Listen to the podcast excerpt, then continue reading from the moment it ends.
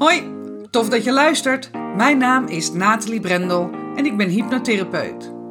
Ik vergelijk hypnose met hydraterende littekencrème.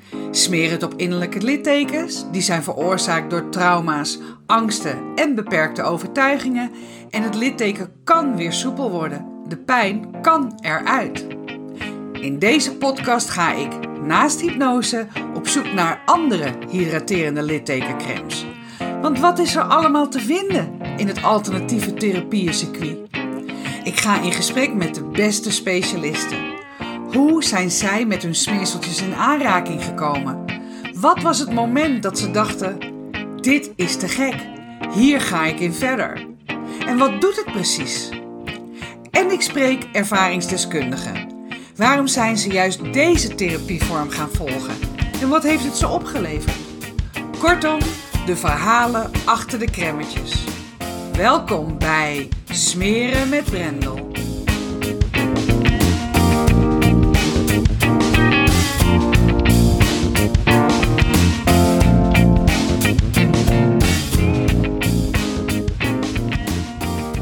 Vandaag wil ik het met je hebben over gedachtes en hoe je van gedachten verandert. Het is namelijk een uh, bijzondere week voor mij. Op het uh, moment dat deze podcast uh, live komt, dat is op uh, vrijdag 1 september 2023, treed ik in het huwelijk. Serieus, ik ga trouwen met de liefde van mijn leven. En daar heb ik echt wel wat gedachtes over gehad.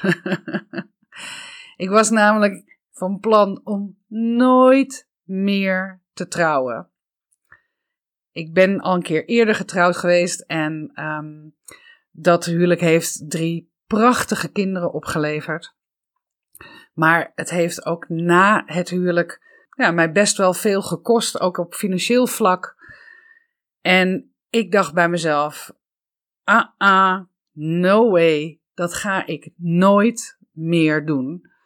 Ik ga nooit meer deze afhankelijkheid in. Ik ga nooit meer mezelf op deze manier committen aan iemand anders.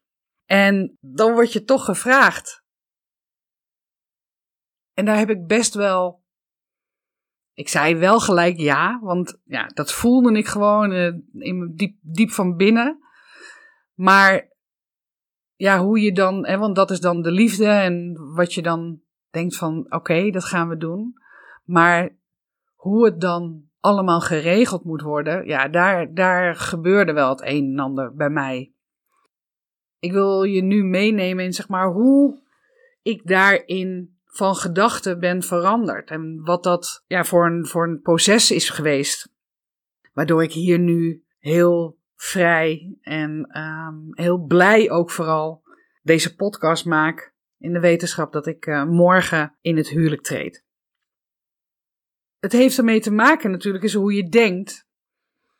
Want hoe je denkt en hoe je je voelt bepaalt hoe je in het leven staat. We hebben 60 tot 70.000 gedachten per dag.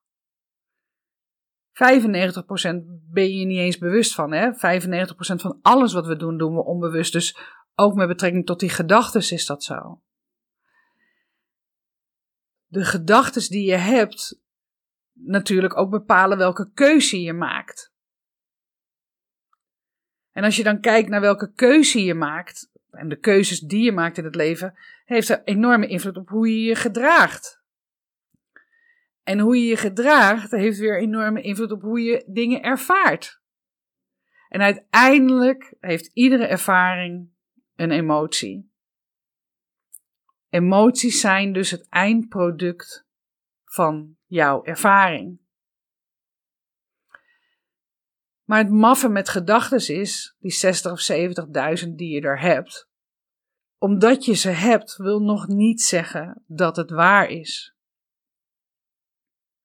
Jouw gedachten hoeven niet de waarheid te zijn. Maar zo werkt je brein dus ook weer. Je brein laat gewoon weg wat het niet gelooft. Dus jij leeft in jouw waarheid. Maar als je goed kijkt naar je gedachtes, ja, en ze gaat onderzoeken, dan kom je misschien wel tot de ontdekking dat, ja, dat je gedachten hebt die echt niet kloppen. Over jezelf, over anderen, over de buitenwereld, maakt niet uit. Maar als je dus blijft terugvallen op die gedachten, op die herinneringen, kom je ook in een soort loop terecht.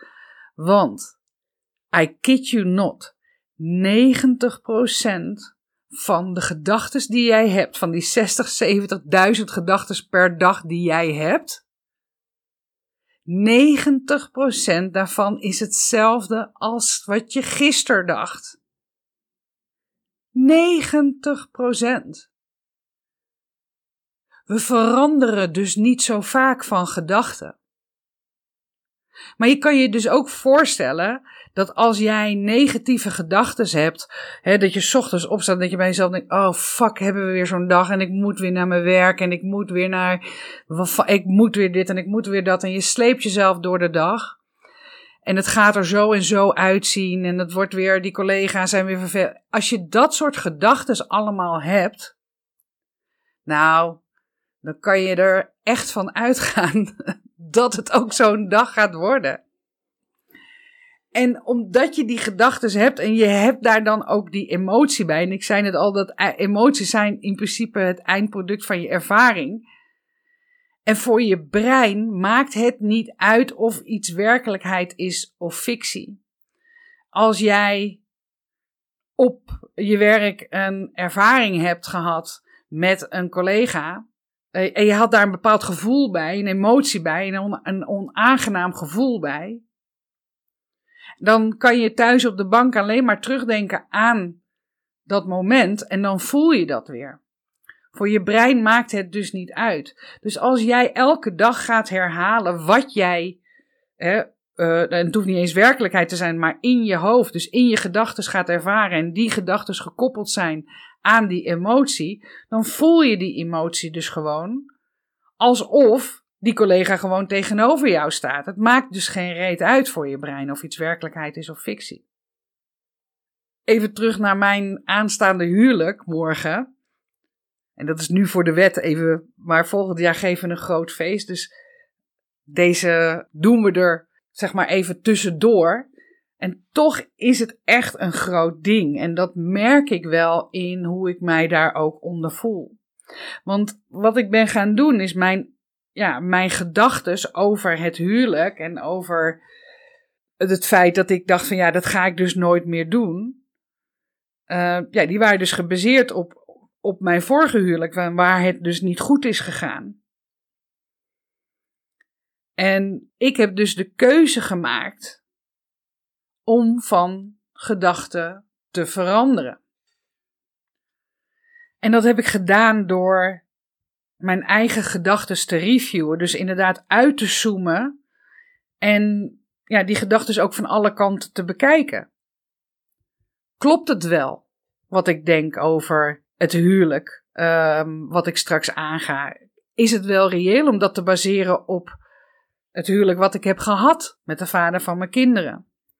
En door het op die manier af te pellen en ook heel erg te kijken van ja, wat zit in mij? Hoe komt het dat ik me daar zo onder uh, voel? Dat ik deze emoties eronder heb? En het had voornamelijk te maken met het kwetsbaar opstellen. Kijk, ik weet niet wat de uitkomst gaat zijn van dit huwelijk. Maar wat ik wel weet is dat het niet helpt om mijn negatieve ervaringen uit het verleden er een rol in te laten spelen. En dat betekent dus dat ik me opnieuw kwetsbaar op ga stellen. Dat betekent dat ik me moedig, dat, ja, dat, daar, daar is moed voor nodig, vind ik ook inderdaad echt dat je, ja, je weer zo openstelt naar een nieuwe toekomst waarvan je niet weet, zeg maar, uh, hoe die gaat zijn. Maar ik merk, omdat het mijn gedachten zijn die uiteindelijk mijn toekomst bepalen, dat het helpt om de e-, gedachten te hebben die ik nu voel. De gedachten dat uh, ons leven, hè, hoe ons leven er samen uitziet. De harmonie, de liefde, het respect, het begrip, de vrijheid, de verbinding. Dat is waar ik mijn toekomst in mijn aankomende huwelijk op baseer. En het is ook op basis van de persoon die ik nu ben. En ik ben natuurlijk een heel ander mens dan dat ik was in 2000, wat was het, 2008? Dat uh, de vader van mijn kinderen en ik uit elkaar gingen. Maar jarenlang heb ik echt gewoon, ja, uh, paniek gevoeld als ik alleen al dacht uh, aan, een, aan een commitment in huwelijksvorm. de, het op papier weer delen. Het voor elkaar zorgen, ook na scheiding en dergelijke. Nou, als ik er alleen al aan dacht dat ik dat weer zou doen, nou, dan kreeg ik gewoon ja, paniek voelde ik in mijn, in in in mijn, in mijn maag. Ik, ik, ik, ik kreeg het er warm van. Mijn hart ging harder kloppen. Um, het maakte dus, nou ja, ik hoefde alleen maar aan de situatie te denken en dan, dan voelde ik het alweer. En dat heeft echt wel jaren geduurd. En ik, ik heb hier dus echt werk op moeten doen. En zeker toen ik afgelopen december in Bali ten huwelijk werd gevraagd en ik ja, volmondig ja zei tegen de liefde, wist ik ook dat dit erbij hoorde. Van ja, hoe ga je dan om met het commitment wat je naar uh, je partner afgeeft in iedere zin, dus ook het financiële gedeelte, alles wat daarbij hoort. Nou ja, en wat ik al zei, door mijn gedachten te reviewen van, goh, waar komt dit gevoel nou vandaan? Waar klopt deze gedachte wel? Want alleen omdat ik hem denk, wil nog niet zeggen dat het waar is. Klopt het wat ik denk over het aangaan van deze verbinding? Ik heb daarin dus de keuze gemaakt om van gedachten te veranderen. Om mijn emotie, mijn gevoel over verbinding aangaan, niet te laten baseren op het verleden, waar het dus niet goed ging, maar juist op basis van de toekomst. Wat ik net zei over ja, wat je met elkaar deelt. Hoe je wil dat je leven eruit ziet. Dat ook visualiseert. Maar ik ben natuurlijk met mijn huidige partner ook al bijna 14 jaar samen. Dus ook daarin zit natuurlijk gewoon een heel stuk verleden. Maar dan zie je maar weer dat op het moment dat je dan, in dit geval ten huwelijk gevraagd wordt zoals ik, dat daar dan toch een soort herinnering boven komt, die dan van nog verder daarvoor is. Die dus zo'n impact heeft gehad, dat dat, dat echt een, uh, een, een, een, bepaald patroon in mijn, brein heeft veroorzaakt. Van nou, daar ga ik niet heen, dat ga ik niet doen. Die verbinding ga ik op die manier nooit meer aan. En het mooie is dus als je van gedachten verandert, is dat je dus nieuwe neurale verbindingen maakt in je brein. Je hebt 85 miljard hersencellen in je hoofd. En iedere cel kan met 5000 andere cellen connecten. Dat is natuurlijk mind-blowing. En als jij van gedachten verandert, dan worden daar ook nieuwe connecties gemaakt. Want wat fires together, wires together. En door die nieuwe gedachten, die ik dus ook koppel aan keuzes, aan gedrag, aan ervaring en, en uiteindelijk dus ook de emotie. Dat maakt dat, dat ik die versterk. Dat ik die gedachten, die emoties, die gevoelens, daar, die laat ik prominent zijn. En op basis daarvan, en dat is dan inderdaad dat ik me kwetsbaar opstel, dat kan. Maar ik voel in mezelf zo'n kracht, zo'n ontspanning, zo'n balans.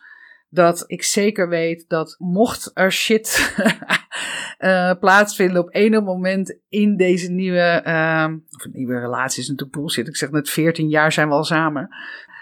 Weet je, dan deal ik daar dan wel mee. Maar ik maak bewuste keuze om mijn toekomst niet te laten baseren op negatieve ervaringen uit het verleden. En dat voelt echt zo bevrijdend. En het is spannend. En uh, nou, we hebben het allebei. Want ik bedoel, mijn partner die Um, heeft ook een relatie achter de rug met de moeder van zijn kinderen. Dus die heeft ook zijn eigen ervaring en zijn eigen verleden en zijn eigen gedachtes. Maar ja, we zijn wel gewoon heel committed. En ik word er zelfs um, emotioneel van. En ook dat mag er zijn. Um, ja, om dit aan te gaan. Dus dat, Dat zou ik je mee willen geven dus ook. Je kan van gedachten veranderen en je mag ook van gedachten veranderen. Een leuke anekdote is, ik zit in een uh, vriendinnen in een WhatsApp groepje en wij hadden het over de lengte van uh, haar.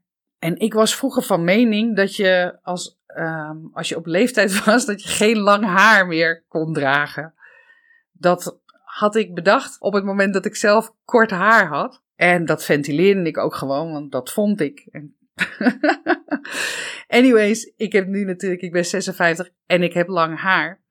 Um, en daar ging het over in die, uh, in die appgroep. En toen zei ik van ja, dat was de Natalie 1.0 die dat toen zei over dat lang haar op leeftijd niet kon. Dit is de Natalie Brendel 2.0. En toen zei een vriendinnetje tegen mij van, oh, uh, kan dat zomaar? Is het dan zo makkelijk? En toen zei ik tegen haar van, ja, zo makkelijk is het, want je kan dus van gedachten veranderen. En toen zei ik letterlijk tegen haar, en als jij en ik niet van gedachten waren veranderd, dan waren we nog steeds getrouwd met dezelfde persoon. En toen viel het kwartje. Want dat is natuurlijk wel wat het is. Je mag gewoon van gedachten veranderen. Dat is helemaal oké. Geef jezelf ook gewoon die ruimte om, om nieuwe neurale verbindingen te maken. Kijk eens naar bepaalde gedachten die je hebt, review ze eens. Zoom eens uit. Klopt het wel wat ik denk? En maak dan een keuze. Je hebt namelijk altijd een keuze. En voor nu wens ik je een hele, hele mooie dag. Bedankt voor het luisteren naar Smeren met Brendel. Vond je dit een toffe podcast? Laat dat dan vooral weten door een 5-sterren review achter te laten. En ken je iemand die deze podcast vast ook interessant vindt? Dan zou ik het waanzinnig waarderen wanneer je hem deelt. Wil je het direct weten als de volgende podcast Smeren met Brendel klaar staat? Klik dan in jouw podcast-app op de button subscribe en je ontvangt direct bericht als de nieuwste podcast online staat. De Spotify-app kan je zowel het beoordelen als het delen en het volgen van deze podcast heel eenvoudig regelen door op de drie puntjes te klikken. Super bedankt!